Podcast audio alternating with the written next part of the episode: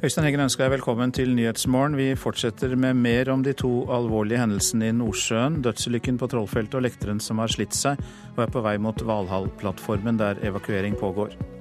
Vi får byantikvar Janne Wilbergs reaksjon på den kraftige brannen som herjer den historiske bygningen Nedre Foss gård i Oslo. Hvert år blir flere barn skadd av fyrverkeri under nyttårsfeiringen. Nesten én av tre som ble skadet under feiringen i fjor, var under 18 år. Og hvilke utfordringer står Europa overfor i det nye året? Jan Erik Grindheim, leder i Europabevegelsen, kommer hit til Nyhetsmorgen. Som vi hørte i Dagsnytt, en stor lekter har slitt seg i Nordsjøen og driver mot Valhall-feltet. Fire helikoptre begynte i natt å evakuere opptil 235 personer som jobber der ute. Redningsleder Nils Ole Sunde ved Hovedredningssentralen i Sør-Norge sier man nå vil forsøke å få kontroll over lekteren igjen. Ja, Nå skal man øh, prøve å få skyte over ei line, sånn at man får etablert et nytt øh, slep på denne lekteren. Der er båter i nærheten nå som skal gjøre forsøk, uh, men uh, pga. vær og omstendigheter så kan det ta litt tid før at dette lykkes. Hvis det lykkes. Det var i går at den over 100 meter lange og ubemannede lekteren slet seg og begynte å drive mot plattformene på Valhall-feltet i den sørlige delen av Nordsjøen. Feltet består av totalt åtte plattformer. Fire helikoptre har gått i skytteltrafikk for å evakuere de 235 personene på produksjons- og hotellplattformen, samt en annen rigg. De blir fraktet til de nærliggende feltene Ula og Gyda. Dette er vi straks ferdig med, sier pressetalsmann Per Ivar Hansen i BP Norge. Av de 235 som skal forflyttes, så eh, har vi ca. 80 igjen på feltet. Så eh, den operasjonen foregår akkurat nå. I verste fall kan man få en kollisjon mellom lekter og plattform. Men Nils Ole Sunde ved Hovedredningssentralen sier at lekterens kurs er gunstig akkurat nå. Han driver veldig sakte, og han driver på en relativt gunstig kurs i øyeblikket, men vi forventer at han eh, kommer til å dreie mer mot eh, de eh, feltene som vi frykter mest. Og det er rundt klokka ti i formiddag at lekteren kan nå fram til plattformene. Reporter var Tom Ingebrigtsen. En mann i 50-årene omkom da store bølger slo inn over en oljerigg på Trollfeltet i Nordsjøen i går ettermiddag. 44 personer ble evakuert til Flesland i Bergen seint i går kveld. De forteller om en eh, meget dramatisk eh, og alvorlig hendelse. Det sier informasjonssjef Gisle Ledel Johannessen i Statoil i Bergen. I natt tok han og krisestaben til selskapet imot 44 evakuerte arbeidere fra oljeriggen COLS Innovator. En mann i 50-åra omkom, og ytterligere to personer ble skadd da store bølger slo innover riggen ved Trollfeltet i går ettermiddag. Statoil har oppretta et mottakssenter for de evakuerte på Flesland i Bergen. Folk som har vært igjennom en veldig tøff kveld, hatt en krevende dag sammen og mistet eh, en kjær kollega.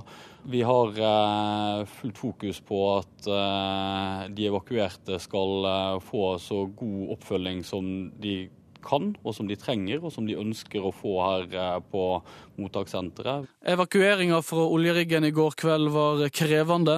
Pga. det voldsomme været ute i Nordsjøen kunne ikke redningshelikoptrene lande på riggen. Det har vært orkanstyrke i kastene. Vi har hørt om bølgehøyder på 12-15 meter. Så de ble evakuert med vinsj, dvs. Si at én og én ble tatt opp i vinsj til helikopteret. Omstendighetene rundt dødsfallet og personskadene er foreløpig ikke avklara, men de kraftige bølgene traff bl.a. Bustadkvarteret på Riggen. Den er nå på vei til land for å bli undersøkt. Sa reporter Jon Bolstad. Og vi har nå kontakt med deg, Morten Eek, pressekontakt i Statoil fra studio i Stavanger. Og Riggens boligkvarter er på vei til land, hørte vi her. Hva er viktig å avdekke i undersøkelsen av boligkvarteret? Nå er det riktig at, eh, at, riggen beveger seg eh, mot land, og er jo venta inn eh, til, til, kysten da, i løpet av ettermiddagen og kvelden. Eh, skadeomfanget er det for tidlig å si noe om. Eh, Statoil støtter nå eh, riggselskapet i å lose riggen trygt innomskjærs. Og så vil den først, når en får dagslys og riggen eh, trygt inn ved land, så, så vil en kunne si noe om skadeomfanget her. Petroleumstilsynet skal jo granske ulykken. Eh, hva sier dere om beredskapen forut for dette uværet? Har den vært god nok? Eh, det vil være sånn nå at uh, granskingen uh, vil gå sin gang, og så vil en jo måtte fastslå årsaken til at en har fått et tragisk dødsfall på en rigg som har vært på jobb for, for oss. Det er nok for tidlig for oss å gå inn i årsaksforhold og omstendighetene rundt. Det vi ser er jo at evakueringen den har eh, fungert eh, under veldig krevende forhold.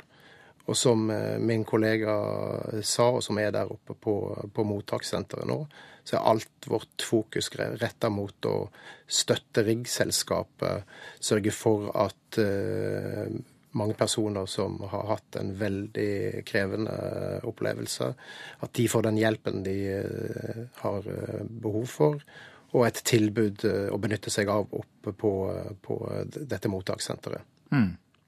Vi har jo også hørt om denne lekteren som har slitt seg og driver mot Valhall-feltet. Har det noen betydning for dere i Statoil? Nei, Dette er et, et, felt som er operert av eh, BP, og, eh, og de jobber jo nå med å få denne lekteren under kontroll. Godt støtta, som jeg da forstår det, av, av andre ressurser. Takk skal du ha, Morten Eek, pressekontakt i Statoil. Hvert år blir flere barn skadd av fyrverkeri under nyttårsfeiringen. Nesten én av tre som ble skadd under feiringen i fjor, var under 18 år. Direktoratet for samfunnssikkerhet og beredskap, DBS, advarer nå foreldre. Men det er så moro med fyrverkeri, sier barn vi har snakket med. Jeg var litt redd for det da jeg var liten. Men uh, nå er jeg ikke så mye redd for det. Ja, det kan være farlig hvis det treffer deg, men jeg blir bare å skyte rett opp, så det er ikke så farlig, da. Men farlig ble det for flere under nyttårsfeiringa i fjor. 41 personer ble nemlig skadde som følge av fyrverkeri, viser en rapport fra DSB. Eh, og Det som bekymrer oss mest, er jo at vi har en del ulykker fortsatt blant små barn. Sier Cecilie Da, direktør i DSB. Av de 41 personene som ble skadde, er 12 av de under 18 år. Det er seks færre enn i fjor, men folk er fremdeles ikke forsiktige nok, mener hun. Og Det gjelder ikke minst dette med stjerneskudd, og det bør man jo egentlig ha en nullvisjon i forhold til. Det bør egentlig ikke forekomme. For flere av brannskadene på hendene er forårsaka av stjerneskudd. Det er også vanlig at en får skader i hodet, ansiktet eller i øynene. Sistnevnte er den mest alvorlige. Stjerneskuddene har veldig høy temperatur, og de kan ha glødende små partikler som kan brenne seg fast i hornhinnen. Det forteller øyelege Nils Bull ved Haukeland sykehus. Eh, det gir ikke farlige, varige skader som regel, men det er gjerne sånn at man må skrape dette vekk eh, med et skarpt instrument. Og hvis dette da rammer et barn, så må barnet i narkose for at man skal gjøre dette. Da har dermed flere tips for både små og store.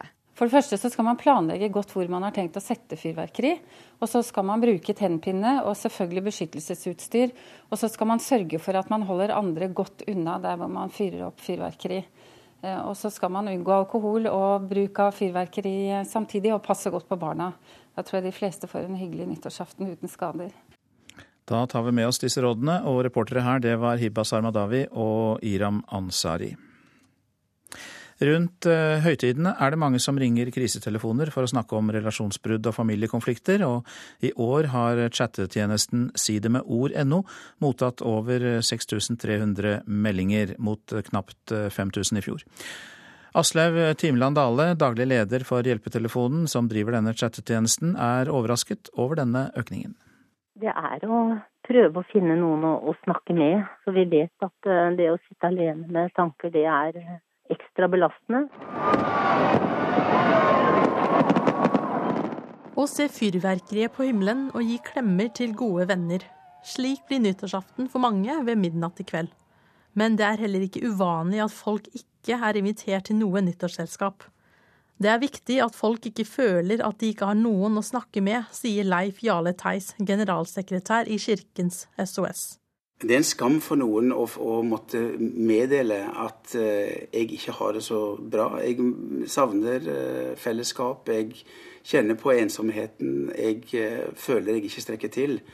Eh, så det er en terskel for, for, noen å ringe, men de kan vite at det er alltid en person, og det er noe av det som også er Kirkens SOS sitt, eh, sitt formål. Å være tilgjengelig 24 timer i døgnet hele året for de som måtte ønske å ha noen å prate med. Både Kirkens SOS Norge og Hjelpetelefonen ber folk som føler seg alene i kveld, om å ta kontakt hvis de trenger noen å snakke med. Før var det vanlig å ringe, men hvis man har lyst til å snakke på nett istedenfor, går det an å si det hos tjenestens side med ord.no. Og nyttårsaften er en av de dagene når mange kjenner litt ekstra på ensomheten, sier Dale. Man har vært igjennom et år som har vært eh, for noen kanskje ekstra tøft, og ser med spenning ut på nyåret som kommer. Andre gruer seg fordi de ikke har noen å være sammen med. Reportere her Sutet Moen og Gunnar Larsen. Dette er Nyhetsmorgen, og klokka den er 7.14 der. Vi har disse hovedsakene. En stor lekter har slitt seg i Nordsjøen og driver mot Valhall-feltet. Fire helikoptre ble i natt sendt dit for å evakuere opptil 235 personer som har vært om bord eh, i rigger. Og det gjenstår 80 av disse som venter på evakuering. Petroleumstilsynet skal granske ulykken på Trollfeltet i går, der en mann i 50-årene omkom. En stor bølge traff en rigg som opererer for Statoil i går ettermiddag.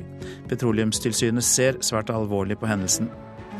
I Oslo brenner det fortsatt i Nedre Foss gård. Brannvesenet sier brannen i den historiske bygningen er vanskelig å slukke.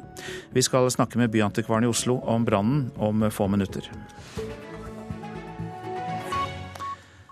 Men eh, først ut av Norge og mot EU, eh, e for ved årsskiftet så overtar Nederland formannskapet der. Og utfordringene står jo i kø, ikke minst er det jo behov for en felles løsning på flyktningekrisen. Jan Erik Grindheim, velkommen til oss. Takk skal du ha. Du er leder i Europabevegelsen, og du er statsviter. Hvilken betydning har det at Nederland overtar eh, formannskapet? Jeg tror det har stor betydning fordi de overtar fra Luxembourg og Latvia, som har hatt det i år. Og så skal de uh, gi det videre til Slovakia og Malta, to veldig små land. Og det er klart at en av de gamle medlemsstatene som da står for stabilitet og vet hva dette går i, de vil nok ha en viktig rolle her. Og de sier også de skal fokusere på det som er essensielt for EU. Og det å ha formannskapet, det betyr jo faktisk at man får veldig mye å gjøre for å koordinere EUs politikk? Ja. Eh, nå er nok eh, et av de Lisboa-traktater som er det nåværende regelverk for EU Unnskyld, så har nok rådet og dette roterende eh, presidentskap fått litt mindre betydning fordi stats- og regjeringssjefen har fått mer betydning, og EU-kommisjonen har fått mer betydning. Men fremdeles er det veldig viktig, og mange sier at Nederland er jo veldig gode på å administrere politikken, og det er veldig viktig akkurat nå. Når det gjelder flyktningkrisen, så virker det jo som de enkeltstående europeiske land har gjort noe først når de har følt presset selv. Kan EU finne en felles løsning? Det er ganske interessant, fordi at I disse eurobarometerundersøkelsene sier 56% av nederlenderne at flyktningsituasjonen er et problem for Nederland, mens 75% sier det er et problem for EU. Og Det er interessant at uh, Mark Rutte, som da er statsminister i Nederland, han leder en koalisjon som har som slagord 'bygger broer'. Og Det er nettopp det de trenger å gjøre. Han bygger selv bro mellom liberale og sosialdemokratiske partier. Og, og bygge broer er det de trenger. Det er en stor utfordring, men det er ikke tvil om at uh, det blir en veldig tøff rolle. Hvordan tror du at flyktningkrisen kan eh, løses når eh, presset sikkert eh, kommer til å fortsette og kanskje bli enda større mot våren? Det har jo vært foreslått en mye mer skal vi si, overstatlig, overgripende løsning med felles politi, felles grenser osv. Det går nok i den retning. Det er helt klart at disse landene som da er spesielt utsatt, både som førsteland, og de som da disse migrantene vil til, de kan ikke løse disse utfordringene alene. Det er en økonomisk ø, ø, umulighet, og dette må bli en felles løsning for Europa. Til slutt, Norges forhold til EU. Du er jo leder for Europabevegelsen, vil gjerne at vi skal bli medlem, men det er vel litt realistisk i øyeblikket. Hvordan ser du forhold, for deg Norges forhold til EU i tida som kommer? Eh, det er jo veldig anstrengt, som vi alle vet. da, Men det, det som er interessant med det nederlandske formannskapet, er at de ønsker å intensivere sikkerhetspolitikken og, og få en mer europeisk dimensjon der. og Det er klart det vil nok presse fram i hvert fall en debatt her eh, i Norge, om ikke akkurat noen medlemskapsdebatt med det første. Men hvordan er forholdet ellers til EU, mellom Norge og EU? Det er veldig bra. og Norge er jo for det første en veldig snill gutt i klassen og gjør det meste som vi skal. For det andre, vi er perfekt tilpasset euroen. Vi gjør alle ting riktig for å være EU-medlem. Vi har bare ingen medbestemmelse bestemmelse. Takk skal du ha, Jan Erik Rindheim, som er leder i eh, Europabevegelsen. Krona har svekket seg kraftig mot andre valutaer i romjula. Valutaen vår har knapt vært svakere mot dollar på ti år, og nå utelukker ikke eksperten at nordmenn snart må ut med ti kroner for å kjøpe en euro. Det er ekstremt svake nivåer for krona nå. Sier Erik Bruse, sjefanalytiker i Nordea Markets. For en dollar må du nå hoste opp 8 kroner og 80 øre. For en euro 9 kroner og 60 øre.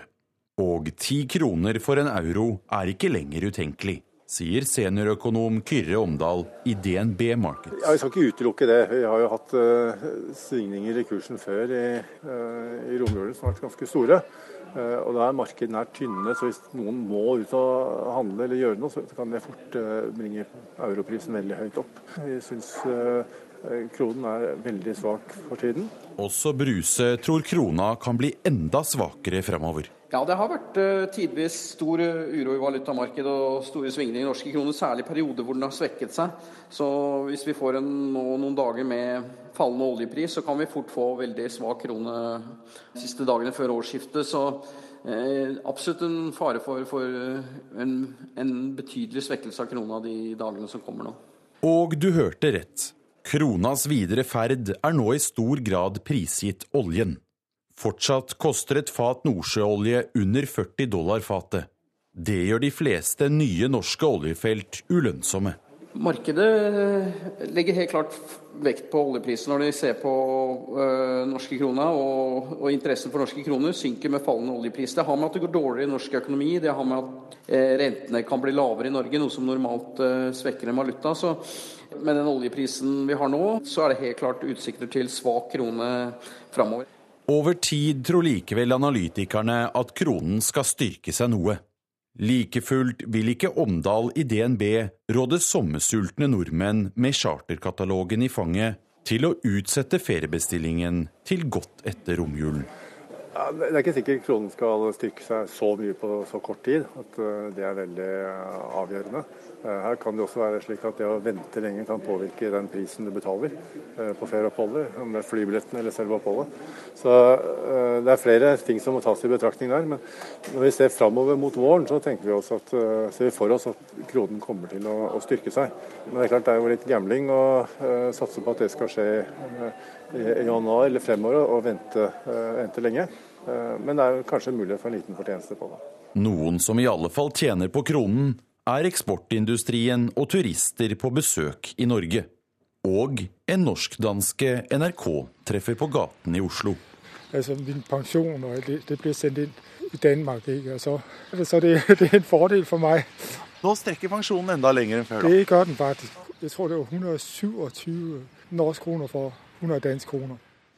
Og det var Sindre Heirdal som orienterte oss om eh, kronens verdi for tiden. En kraftig brann har altså herjet Nedre Foss gård i Oslo. Den historiske bygningen har de siste årene blitt pusset opp for flere titalls millioner kroner, og huser i dag en restaurant. og Denne brannen skal ha startet på kjøkkenet. Og brannen er vanskelig å slukke pga. bygningens konstruksjon, sier brannvesenet. Byantikvar Janne Wilberg, du er med oss. Hva vet du nå om skadeomfanget? Ja, Vi vet at eh, store deler av anlegget er ødelagt, men det later til at den søndre delen, altså en av bifløyene, faktisk er i brukbart, eh, brukbart hold. Eh, men det er så langt. Dette er jo vanskelig slukking. Hva skjer med bygninger av denne typen som er så skadd, men likevel viktige historiske bygninger, etter en brann? Det er jo en vurdering fra tilfelle til tilfelle. Eh, og dette har jo noe med hva eieren også ønsker seg i forhold til dette. Der har jo Christian Ringnes, eh, eieren, sagt at han er innstilt på å gjenreise bygningen, men er opptatt av at det skal være noen eldre deler tilbake, som han sier for å ta vare på bygningens sjel. Hva syns du om det? Eh, det har jeg stor forståelse for, fordi at dette anlegget er bærer av utrolig mye viktig historie i Oslo. Så det å få opp et helt nybygg der, det eh, er kanskje ikke den beste løsningen. Men det er altså å forskuttere en diskusjon, det. Ja, du sier at eh, denne bygningen er viktig historisk. Si litt mer om denne historiske verdien, sånn at vi lærer å sette pris på det. Eh, dette er faktisk et av de historisk mest interessante eh, områdene langs Akerselva. Dette er jo fra førindustriell tid, og det er knyttet til altså kornmøller. I gamle dager, middelalderen, så kunne du ta båt helt opp dit. Og dette er altså før vi hadde noen broer over Akerselva. Og rett ved dette stedet, det var altså der kom på 1600-tallet den første broen, men det, dette var altså hovedoverfarten til elven, og altså et strategisk veldig viktig område. Én ting er mølledriften, men dette er altså det store slagstedet for birkebeinere og baglere osv. Så, videre. så det strategiske elementet har vært viktig fra forskjellige synsvinkler.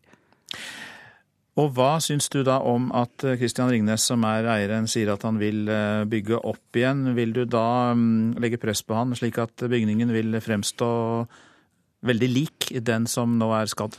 Dette er jo å forskuttere noe, men et alminnelig prinsipp i kulturminnevernet er at hvis du skal bygge opp noe, så skal det faktisk være veldig godt dokumentert hvordan det har sett ut. Og vi vet jo veldig mye om det nå, ettersom det har vært en stor rehabilitering der. Mange takk for at du var med i Nyhetsmorgen, byantikvar i Oslo, Janne Wilberg. Så til avisene på nyttårsaften. Eksperimentell behandling av blodkreft er oppslaget i Aftenposten. Nå får kreftsyke barn ved Oslo universitetssykehus samme behandling som den amerikanske jenta Emily Whitehead. Når cellegift ikke virker, går den alternative behandlingen ut på å hente ut pasientens egne immunceller, som genmodifiseres. Deretter føres de tilbake til pasienten, og der setter de i gang med å angripe kreftcellene. Enda lavere rente, flere arbeidsledige, stigende boligpriser, små lønnshopp og noe høyere oljepris, ja det er stikkord fra 25 av landets fremste økonomer, som Dagens Næringsliv har snakket med. Nå er Arbeiderpartiet bundet til masta, sier Per Sandberg til Klassekampen. Frp-nestlederen er strålende fornøyd med Aps støtte til regjeringens asylinnstramning, og regner med at partiet går med på å reversere tidligere liberal rød-grønn asylpolitikk. AUF-leder Mani Hussaini gir derimot en smekk til moderpartiets asylpolitikk i vårt land. Det er veldig rart at politikere aksepterer en så tøff og til tider mistenkeliggjørende retorikk om mennesker på flukt, sier Hussaini. Landbrukets mektigste mann er fra Venstre. Det får vi vite i Nasjonen. Venstres næringspolitiske talsmann Pål Farstad er kåret til den mektigste, fordi han gjennom sin makt på Stortinget kan stoppe og moderere landbruksministeren. Det gjorde Farstad med bl.a. ostetollen, som Sylvi Listhaug ikke klarte å fjerne. De fleste av landets absolutt rikeste har skapt sine formuer selv. De har alle kommet opp med nye forretningsmodeller, enten gjennom innovasjon eller ved å drive en gammel bransje på en ny måte. Det sier BI-professor Torgeir Reve til Dagbladet i dag. Avisens tips eh, til oss andre for å bli like rike som Ton Stordalen Røkke, Reitan Fredriksen Hagen, ja, det er å spare, ta risiko og være hensynsløse. Brødskive med reinkjøtt og svart kaffe var julematen for reineier Johan Aslak Logge. Nordlys forteller at han måtte ut i stormen på Finnmarksvidda på julaften. Fylkesmannen har nemlig bestemt at det skal gjennomføres telling av samtlige reinflokker i Vest-Finnmark før årsskiftet. Logge mener det viser mangel på respekt for reineierne, som har fått en strabasiøs romjul. Flere kajakkpadlere kantret og havnet i sjøen mellom Håkøya og Grindøya i Troms i går kveld. En stor redningsaksjon med helikoptre, redningsbåter og strandsøk ble satt i gang ved 21-tida, og vel en time senere var alle bekreftet berget og i god behold. En av padlerne, Monica Bryn, sier de varslet politiet da de mistet oversikten. Det er jo mye vær i Nord-Norge, og det er vi jo vant til. Så vi var jo forberedt på at det skulle bli litt ruskete når vi skulle padle tilbake igjen. Eh, men eh, det var kanskje litt mer ruskete enn det vi hadde tenkt. Han kom fra Når vi padla ut, så kom han liksom bak fra sida, og den er litt vanskelig å padle i. Så vi, vi hadde planlagt det nøye. Vi skulle padle tre og tre i grupper og holde sammen. Eh, men når vi kom utpå bølgene kom fra sida, så spredte vi oss litt og mista litt kontakt med hverandre. Så da padla i hvert fall jeg bare rett til Håkøya. Så fikk jeg rigg til til politiet, for da hadde jeg hørt at noen hadde gått rundt. Og da var det jo bedre og I det kalde vannet så vet en jo ikke hva som skjer. Da er det jo bedre å bare få tilkalt hjelp med en gang. Selv om vi er jo trent, vi har jo trent mye på sånn kameratredning og redde hverandre i kajakk, så det kan vi jo. Men eh, ikke i mørtna med en meter, halvannen bølger. Hvor mange var det som havna i vannet? Litt usikker, kanskje fire eller fem. Ikke samme sted, men på forskjellige plasser. Hvordan ble dere funnet og berga? Nei, Alle klarte å bli redda av sine partnere, for de padla jo i grupper i tre og tre. Og, eh, så de ble redda sine og taua og padla til land i trygghet. Men det var nødvendig å utløse denne Ja, for vi hadde jo ikke oversikt. Når jeg sto på land, så så jeg noen øst og noen vest og noen ut. Og, eh, og ingen visste noe. Og det var mye vind og mye bølger. Og, eh, så da var det bedre føre var. Hvordan er tilstanden til de eh, som havna i vannet? Og de har det bra. Vi er kledd for året. Eh, Vi har, hatt alle har tørrdrakter, alle har lys, alle har eh, godt med ullklær under. Gode redningsvester så det, og gode, varme votter. Og Monica Bryn blir intervjuet av Sveinung Åsali. Et år etter at redaksjonen ble rammet av et terrorangrep, kom det franske satirebladet Charlie Hebdo med en spesialutgave 6.1. Utgaven vil ha med et utvalg tegninger laget av medarbeidere som ble drept i angrepet for et år siden, så vel som nytt materiale. Tolv personer ble drept i angrepet mot Charlie Hebdos redaksjonslokaler, og de skjedde jo da i Paris 7.1 i år. Du lytter altså til Nyhetsmorgen. Produsent i dag, Vidar Eidhammer. Her i studio, Øystein Heggen.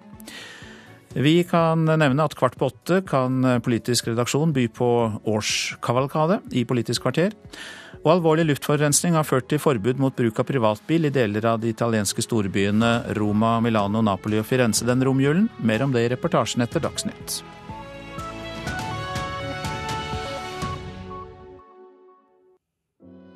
Vi kunne alle sammen ha valgt å bøye kne for det tyske krav. Håkon den syvende sa nei til overgivelse og kastet Norge ut i krig og okkupasjon.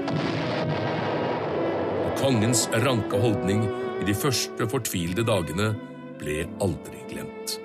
Nils Ole Oftebro leser 'Kongens nei' av Alf R. Jacobsen. Det var en monark som reiste, men det var tolkekongen som kom tilbake. 'Kongens nei' i dag klokken 14 på NRK P2.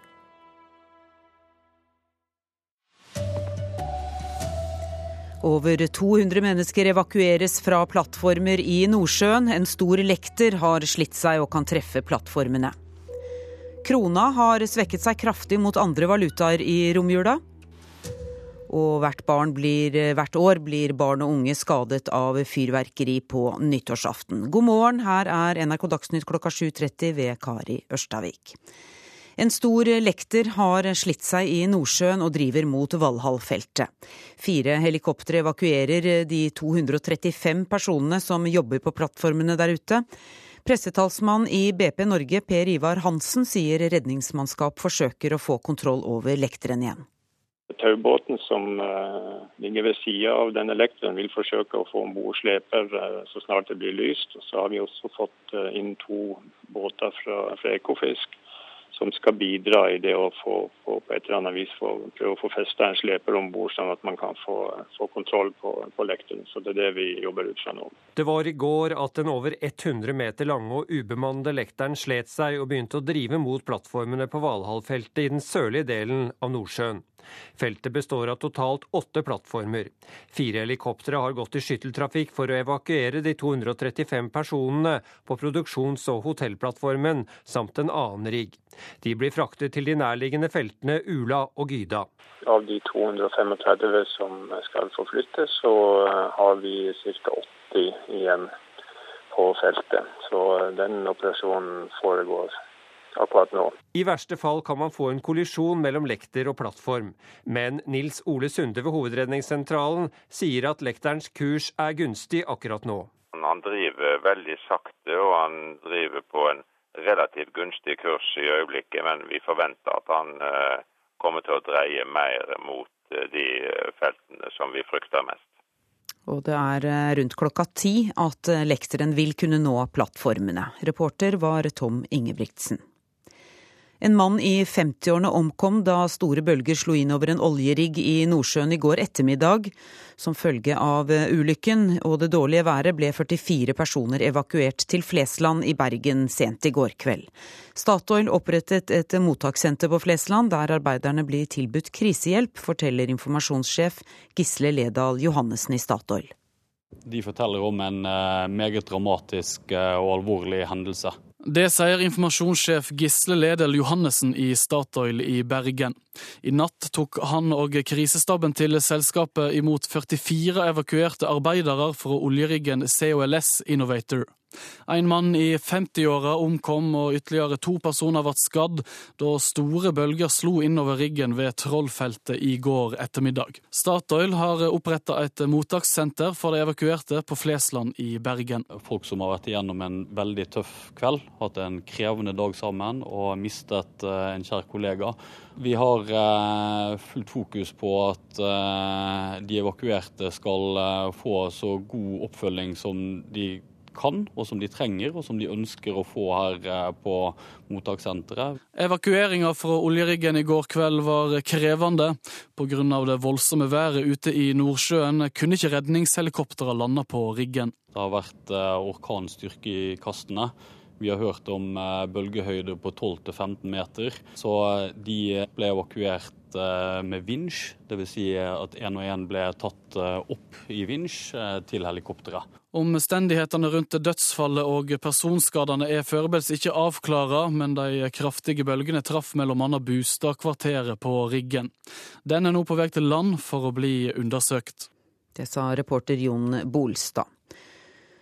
Godt over halvparten av ærverdige Nedre Foss gård i Oslo er totalskadet av brann. Og brannvesenet jobber fortsatt for fullt med brannslukkingen av Grünerløkkas eldste bygning. Det forteller brigadesjef Gorm Sjøli.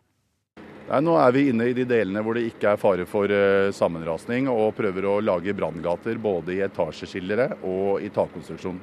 Hvordan ser det ut inne der nå? Nei, altså ta, Store deler av taket i den vestre fløyen er jo rast, i hvert fall inn på den innsiden mot A3 her. Og det er nok eh, ganske lite som er igjen, i, i hvert fall i toppetasjen. Det vi håper å, å redde nå, er jo den eh, søndre delen og den østre delen av bygningen. Intervjuer Erik Engen. Krona har svekket seg kraftig mot andre valutaer i romjula, og valutaen vår har knapt vært svakere mot dollaren på ti år. Og nå utelukker ikke ekspertene at nordmenn snart må ut med ti kroner for å kjøpe én euro. Det er ekstremt svake nivåer for krona nå. Sier Erik Bruse, sjefanalytiker i Nordea Markets. For en dollar må du nå hoste opp 8 kroner og 80 øre. For en euro 9 kroner og 60 øre. Og 10 kroner for en euro er ikke lenger utenkelig, sier seniorøkonom Kyrre Omdal i DNB Markets. Ja, Vi skal ikke utelukke det. Vi har jo hatt uh, svingninger i kursen før i, uh, i romjulen som har vært ganske store. Uh, og da er markedene her tynne, så hvis noen må ut og handle eller gjøre noe, så kan det fort bringe europrisen veldig høyt opp. Kronen er veldig svak for tiden. Også Bruse tror krona kan bli enda svakere fremover. Hvis vi får en, noen dager med fallende oljepris, så kan vi fort få veldig svak krone. Så eh, absolutt en fare for, for en betydelig svekkelse av krona de dagene som kommer nå. Reporter var Sindre Heierdal. Ett år etter at redaksjonen ble rammet av et terrorangrep, kommer det franske satirebladet Charlie Hebdo med en spesialutgave. Utgaven på 32 sider vil ha med tegninger laget av medarbeiderne som ble drept i angrepet for ett år siden, så vel som nytt materiale.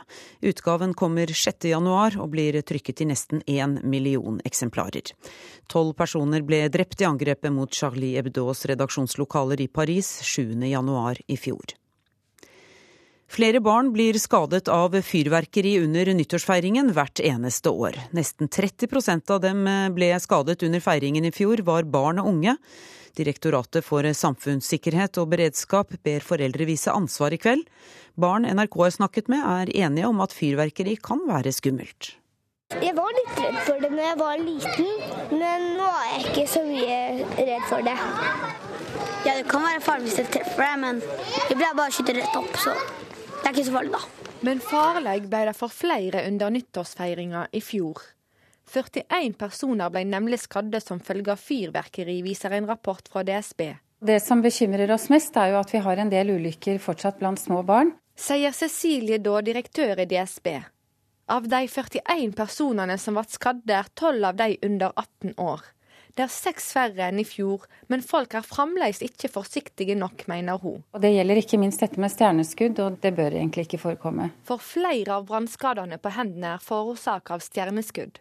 Det er også vanlig at en får skader i hodet, ansiktet eller i øynene. Sistnevnte er den mest alvorlige. Stjerneskuddene har veldig høy temperatur, og de kan ha glødende små partikler som kan brenne seg fast i hornhinnen. Det forteller øyelege Nils Bull ved Haukeland sykehus. Er gjerne sånn at man må skrape dette vekk med et skarpt instrument. Og hvis dette da rammer et barn, så må barnet i narkose for at man skal gjøre dette. Da har dermed flere tips for både små og store. For det første så skal man planlegge godt hvor man har tenkt å sette fyrverkeri. Og så skal man bruke tennpinne og selvfølgelig beskyttelsesutstyr. Og så skal man sørge for at man holder andre godt unna der hvor man fyrer opp fyrverkeri. Da tror jeg de fleste får en hyggelig nyttårsaften uten skader. Reportere var Hiba Sarmadawi og Iram Ansari. I kveld kommer mange til å ringe krisetelefoner for å snakke om relasjonsbrudd, familiekonflikter og ensomhet. Chattetjenesten sidemedord.no har i år mottatt over 6300 meldinger, mot knapt 5000 i fjor. Det forteller daglig leder for hjelpetelefonen, Aslaug Timland Dale. Og hun har ett klart råd til dem som tror de blir alene i kveld. Det er å prøve å finne noen å, snakke med. Så vi vet at eh, det å sitte alene med tanker, det er ekstra belastende. Å se fyrverkeriet på himmelen og gi klemmer til gode venner. Slik blir nyttårsaften for mange ved midnatt i kveld. Men det er heller ikke uvanlig at folk ikke er invitert til noe nyttårsselskap. Det er viktig at folk ikke føler at de ikke har noen å snakke med, sier Leif Jale Theis, generalsekretær i Kirkens SOS.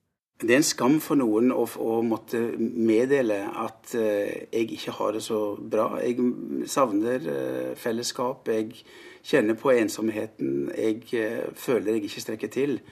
Så det er en terskel for, for, noen å ringe, men de kan vite at det er alltid en person, og det er noe av det som også er Kirkens SOS sitt, sitt formål. Å være tilgjengelig 24 timer i døgnet hele året for de som måtte ønske å ha noen å prate med.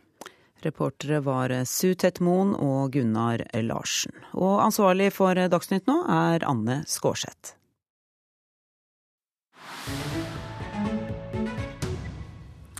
Nyhetsmorgen skal til Italia. Denne romjulen er det forbudt å bruke privatbil i deler av døgnet i sentrum av flere storbyer. Mangelen på nedbør og vind kombinert med tett biltrafikk har ført til alvorlig luftforurensning i byer som Roma, Milano, Napoli og Firenze. Innbyggerne i Roma mener kollektivtilbudet i den italienske hovedstaden er så elendig at det ikke er noe alternativ til privatbil. Dag Bredvei har laget denne reportasjen.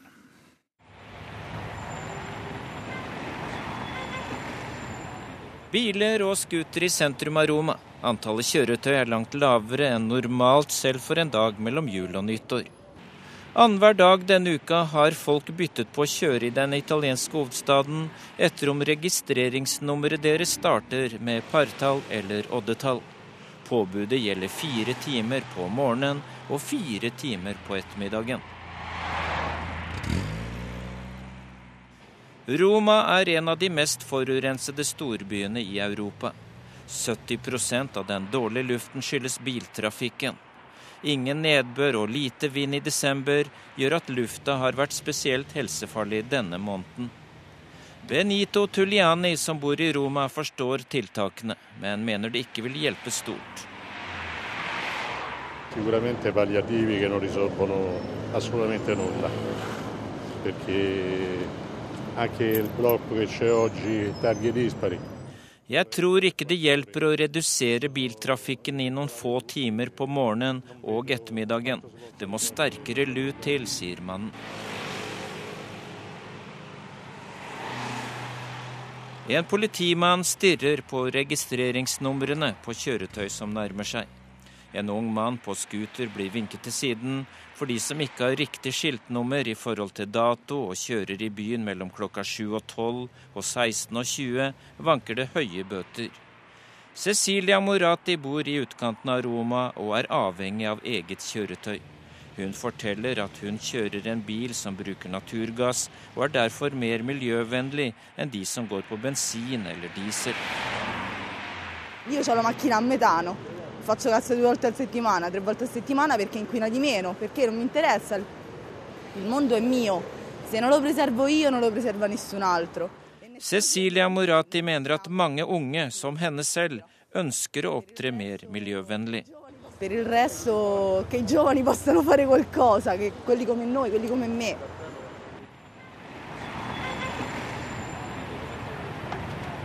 Daniela Albani er godt opp i årene. Hun sier til nyhetsbyrået Associated Press at kollektivtilbudet i Roma er elendig.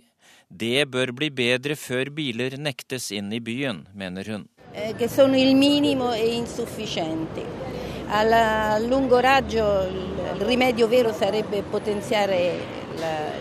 e pubblico.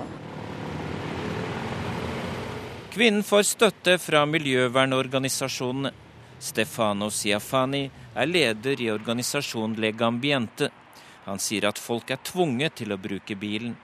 Han mener Roma er verst i klassen over hovedsteder i Europa når det gjelder å tilby innbyggerne offentlig transport. E questo è figlio purtroppo delle politiche su Roma che l'hanno fatta diventare oggi eh, l'ultima capitale eh, per dotazione di tram, di metro e di servizio pubblico più in generale rispetto a tutte le altre capitali eh, d'Europa.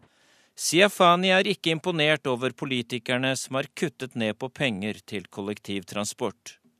Andre storbyer i Italia har også fått påvist helsefarlig luft ved slutten av dette året. I Milan har de innført forbud mot å kjøre inn i sentrum på visse dager denne uka. Det samme gjelder Firenze.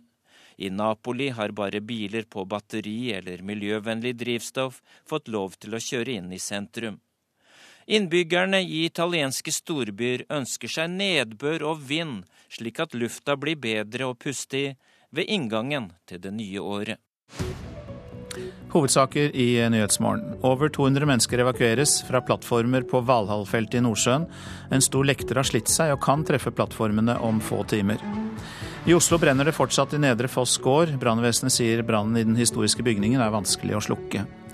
Krona har svekket seg kraftig mot andre valutaer i romjulen. En euro kan snart komme til å koste to kroner.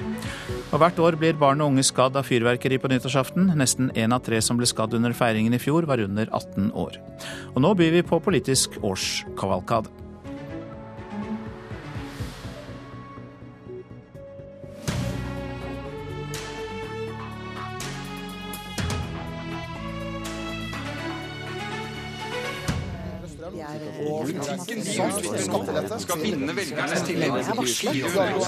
Ett år er millioner av ord. Et kaos av bokstaver.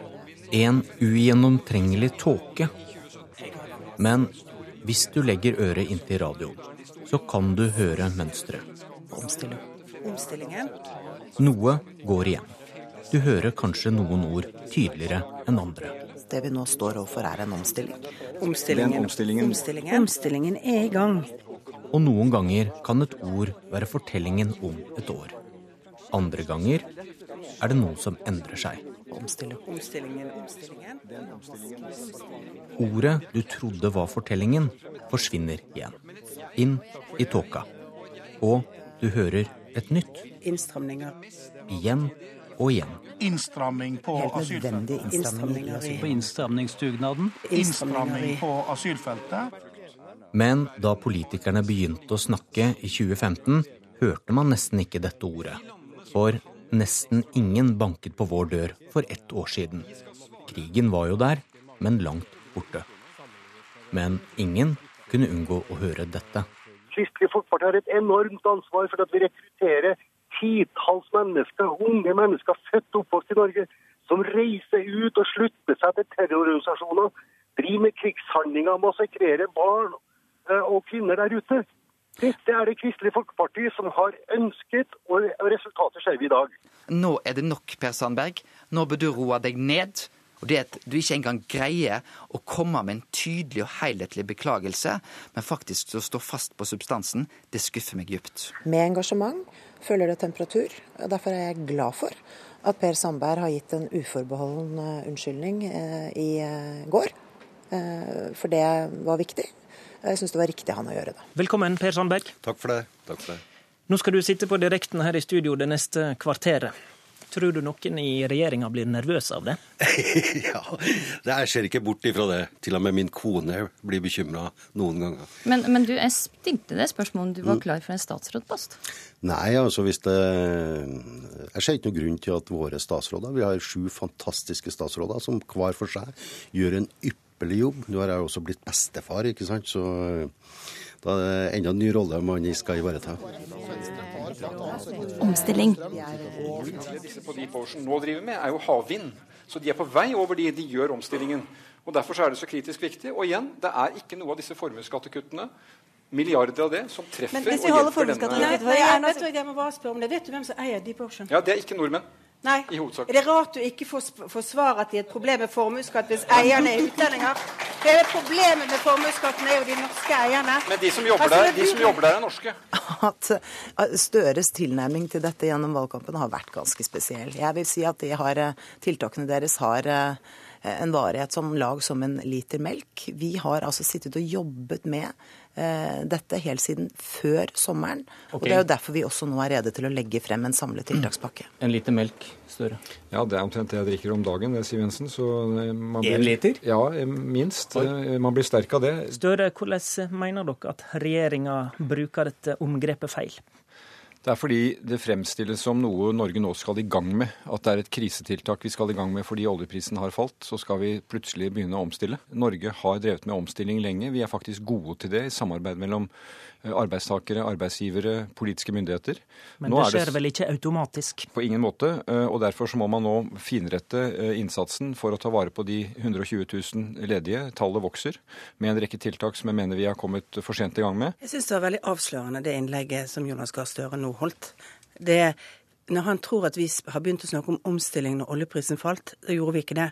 Vi gjorde det når signalene om lavere investeringer i norsk olje- og gassektor kom, som det i og for seg lenge har vært antatt ville komme, men som den forrige regjeringen ikke gjorde noe med og ikke rustet oss for. Og så plutselig så ble det helt stille. Og Grunnen til det var selvfølgelig at vi fikk en stor flyktningkrise i fanget, som definitivt er viktig. Men det gjør jo ikke at den situasjonen vi ser i industrien vår på arbeidsmarkedet har blitt noe mindre alvorlig. Jeg syns det er problematisk at vi som eh, politisk miljø, og kanskje også i media, sliter med å holde fokus på de store, langsiktige utfordringene når det plutselig kommer en ny krise som må håndteres, og som dominerer i alle kanaler. Onsdag kom det 116 asylsøkere til Storskog grensekontrollsted ved Kirkenes. Det er det meste på en enkelt dag noen gang. Spørsmålet er hvor mange flyktninger Norge skal ta imot, og kommer du med tall, eller må du tolkes? Du får høre. Talen eh, kommer litt før to. De landene som kan gi et ekstra bidrag, de må gjøre det. Norge bør åpne for å ta imot til sammen 10 000 syriske flyktninger. 5000 i år og 5000 til neste år. Det er flott med engasjement, og det er bra å tenke at vi skal hjelpe. Men jeg syns jo da at hvis vi hjelper flere, og hvis vi har utfordringer i bosettingen, ja, så må vi sørge for at vi får brukt pengene eh, best der hvor, den, der hvor nøden er størst. Men i denne salen så vil det være samla mange Høyre-ordførere. Vil du oppfordre dine egne til å ta imot flere? Ja, og vi har oppfordret dem til å ta imot flere. Kommer til den konklusjonen at eh, vi nå ikke lenger eh, kan delta i forhandlingene. Men dersom det blir et eh, stortingsflertall som går på tvers av det dere har som program, hvordan stiller dere til det da? Nei, Det kalles faktisk demokrati. Eh, og i ethvert demokrati så må man finne seg i at det er flertall og mindretall. I dag ble de enige om en avtale uten Frp og SV. Frp tvinges til å godta at Norge tar imot 8000 kvoteflyktninger fra Syria. Ukevis med Syria-forhandlinger er over. De var åtte partier da de startet, nå var det seks igjen. Det går nå et budskap til FNs høykommissær for flyktninger at Norge er rede til å ta imot 8000 kvoteflyktninger i årene 15, 16 og 17. Den største flyktningkatastrofen etter andre verdenskrig ga flertall i Stortinget for 10 000 syriaflyktninger på to år.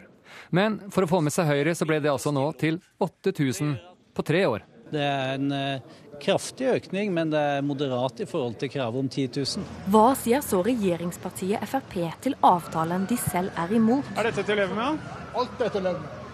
Frp-ere er på veien til gruppestyremøte for å vurdere avtalen. Mitt landsstyre sier at dette er så uansvarlig at dette kan ikke Fremskrittspartiet være med å administrere, så er det et klart signal til regjeringa. Da må det gå ut av regjering? Ja, ta dissens, eh, kabinettspørsmål, det er mange løsninger på det. Men alt avhenger av hva og hvilket vedtak Arbeiderpartiet presser gjennom i Stortinget. Og dermed lurte alle på hva Frp svarer etter at avtalen er et faktum. Dette er et gedigent mageplask for eh, Arbeiderpartiet. Men kan dere administrere det de har kommet fram til nå? Ja, nå må vi først få klarhet i hva denne avtalen egentlig innebærer. Dette er en avtale full av forbehold, som det er vanskelig å få klarhet i. Og jeg mener at eh, det er flere spørsmål som avtalepartnerne må klargjøre. Jo flere kommuner som sier nei til å bosette, jo større mulighet er det for at denne avtalen ikke kan gjennomføres. Det var altså landets finansminister, nummer to i regjeringa, som var usedvanlig tydelig når hun oppfordra kommunene til å boikotte avtalen. Den avtalen som hun 19. juni bekrefta to ganger i Stortinget at landets regjering ville følge opp. Så her er det et dobbeltspill fra Fremskrittspartiets side. Og det er et dobbeltspill jeg liker veldig lite. Spørsmålet var vil du fortsatt oppfordre dem til å si nei til å bosette flyktninger? Det er altså sånn at det er opp til hver enkelt kommune eh, om de ønsker å ta imot flyktninger. Du hører fall, at du ikke svarer på spørsmålet nå. Og i så fall hvor mange de ønsker å ta imot. Fremskrittspartiet er for en restriktiv asyl- og innvandringspolitikk. Og det betyr at våre lokalpolitikere naturlig nok er opptatt av å begrense tilstrømmingen. Så jeg skjønner ikke at dette er et problem. Onsdag kom det 116 asylsøkere til Storskog grensekontrollsted ved Kirkenes. Etter at debatten, og spesielt Arbeiderpartiet sin landsmøte, og debatten dreide seg om hvor mange man bare skal ta imot, så ga det et inntrykk at Norge har nå myknet opp. Og, og, og, da er det jo bare å komme. Det som er avslørt nå, det er at Fremskrittspartiet sin retorikk i årevis om at det først og fremst er norsk asylpolitikk, de innstramminger eller liberaliseringer som gjøres i Norge, som avgjør hvor mange som kommer, er feil. Han var kanskje den mest fornøyde på Stortinget i dag. Parlamentarisk leder i Frp, Harald T. Nesvik. På punkt etter punkt etter punkt så har Fremskrittspartiet nå fått gjennomslag. Og Når regjeringa nå leverer på disse tinga, så vil vi ha en av Europas strengeste politi politikk på dette feltet. Ja, her tror jeg du må høre på markedsføringsbehov som svarer på andre etterspørsler. Han tar feil? Ja, men altså dra til Ungarn, Polen, Storbritannia og se et helt annet system. Hva tror du er grunnen til at Frp går fram på meningsmålingen? Jeg tror det har veldig mye å si med flyktningkrisen. De enorme massene med flyktninger som kommer til landet. Så enkelt er det nok. Men Siv Jensen prøver å skjule det bredeste smilet, enda hun ser at kveldens måling er den beste for partiet på over to år. For øyeblikket så får vi gode tilbakemeldinger fra velgerne. Det gjør at vi selvsagt bretter opp ermene enda mer enn vi ellers gjør. Hvis det hadde vært valg i dag, hva er viktig for deg i det valget? Viktig i det valget er at vi får en, en, en kan du si, kontroll på økonomien framover, og at vi får kontroll på innvandringen. Partiet får støtte fra bare 9,5 av velgerne. Og Derfor er det lov å være skuffet i dag. Hvis du ikke gidder å sette deg inn i politikk i det hele tatt, så er det bedre at du sitter hjemme enn å gjøre et uinformert, tilfeldig valg. Mugabe, Lukasjenko, Jinping i Kina er også helt enig i at politikk er for vanskelig for folk flest, og dette må eliten ta seg av. Dagen derpå for statsminister og Høyre-leder Erna Solberg. Vi er selvfølgelig ikke fornøyd. Vi er ikke fornøyd fordi at på mange steder så betyr, selv om det er et ganske bra historisk valg for Høyre, at vi mister makt. Selv om vi vinner den noen steder, så mister vi makt langt flere steder. Både Høyre og samarbeidspartiene gikk tilbake ved kommunevalget. I natt gikk statsministerens ektemann til det uvanlige skritt å si at det blir stadig mer opplagt at Frp må gå en runde med seg sjøl om de egentlig skal sitte i regjering. Sånn er ikke mitt ekteskap at jeg ber min mann om å holde munn. Jeg er veldig glad for det, og han har også ytringsfrihet som alle andre. Jeg kan bekrefte at det er Erna som bestemmer. De fleste storbyene i Norge kan bli røde eller rød-grønne pga. valget. I Tromsø går det mot maktskifte, det samme kan skje i Bergen. Og i Oslo er Miljøpartiet De Grønne i vippeposisjon og kan avgjøre fargen på det nye bystyret. Vi vil snakke med alle og se hvem som vil gi den best mulige klimapolitikken på byen. Jeg syns vi har funnet gode løsninger. Akkurat nå så kommer de gående inn eh, her i eh, vandrehallen, de finanspolitikerne som nå endelig er ferdig med 2016-budsjettet. Det har altså vært en kjemperegning på 10 milliarder kroner for å dekke opp asylstrømmen som de har fått oppå bordet. Takk for det, eh, og jeg får si endelig er vi i mål. Jeg er glad for at vi har greid å få inn 2,5 milliarder til de fattigste landene. En tydeligere klima- og miljøprofil. Det er viktig å sikre at pensjonistene da får 4000 kroner eh, mer i året. For Høyre så er det helheten i budsjettet som er det helt sentrale. Dagens Næringsliv har også fortalt at du lagde en plan B i helgen.